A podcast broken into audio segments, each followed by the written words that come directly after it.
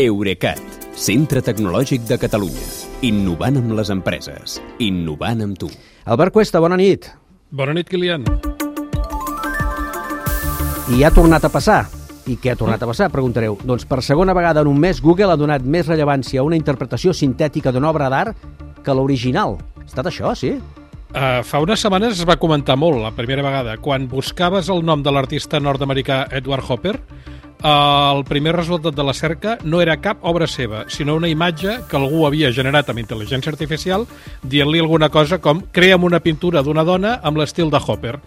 Uh, i la imitació eh, francament, era francament convincent i en ser la imatge destacada quan buscaves el nom de l'artista podia portar confusió i per això alguns especialistes van rondinar i Google es va afanyar a corregir-ho.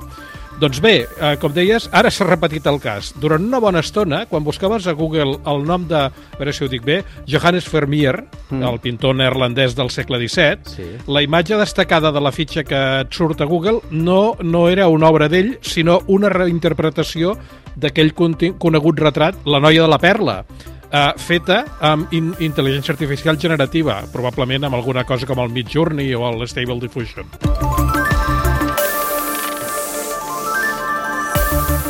Escolta'm, com pot ser que els hagin tornat a, a enganyar?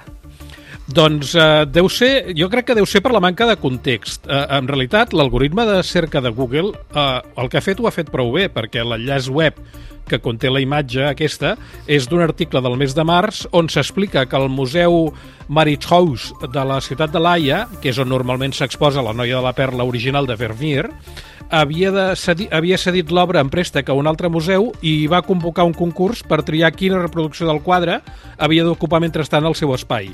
S'hi van presentar 3.500 candidats i va guanyar l'artista també neerlandès Julian van Dicken amb la noia de la perla sintètica que Google et presenta com a imatge destacada quan hi busques Vermeer tot i que en aquest cas les famoses arracades de la protagonista són unes petites bombetes que l'il·luminen la cara, malgrat que les bombetes encara van, de, van trigar més de dos segles a ser inventades després de la pintura. Home, sí, una mica de desfàs Sí. aquí hi és, eh? Per tant, seria un algoritme que n'enganya un altre?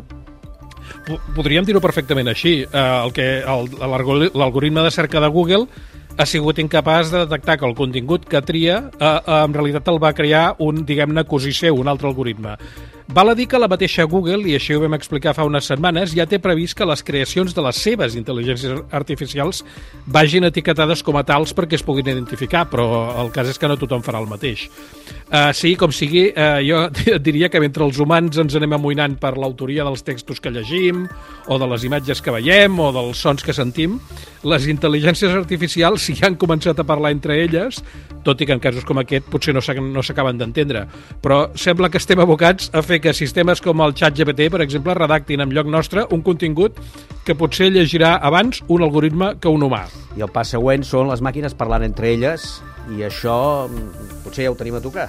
Ho tenim a tocar, perquè fins ara eh, hem parlat eh, sovint de la internet de les coses, que és eh, aquest, eh, diguem-ne, ecosistema de sensors que capten dades de, domèstiques o industrials o agrícoles, perquè els humans les rebem, les analitzem i les interpretem. Doncs bé, ara el que està arribant és l'economia de les coses, eh, que és, eh, és l'espai eh, virtual on els objectes ja poden fer transaccions entre ells sense que hi intervingui cap humà. Per exemple, un cotxe connectat que arribi a l'estació de servei i pagui el repostatge directament, sense que tu hagis de, de baixar del cotxe ni tocar cap mòbil, Uh, o bé, jo que sé, els dispositius d'una xarxa elèctrica que revenguin automàticament l'excedent d'energia amb, una altra, amb una altra companyia o en un altre país.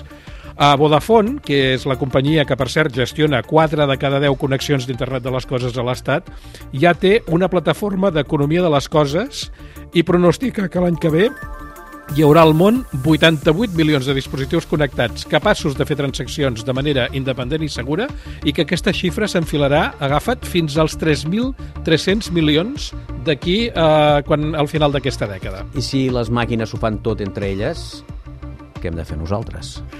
doncs, mira, potser parlar entre nosaltres, que és allò que recomanen amb certa gràcia a la pissarra alguns bars que no tenen wifi pels clients. Doncs mira, que és el que fem aquí a la ràdio, definitivament. Efectivament. Una abraçada gran, Albert, que vagi bé. Bona nit, client. Fins demà.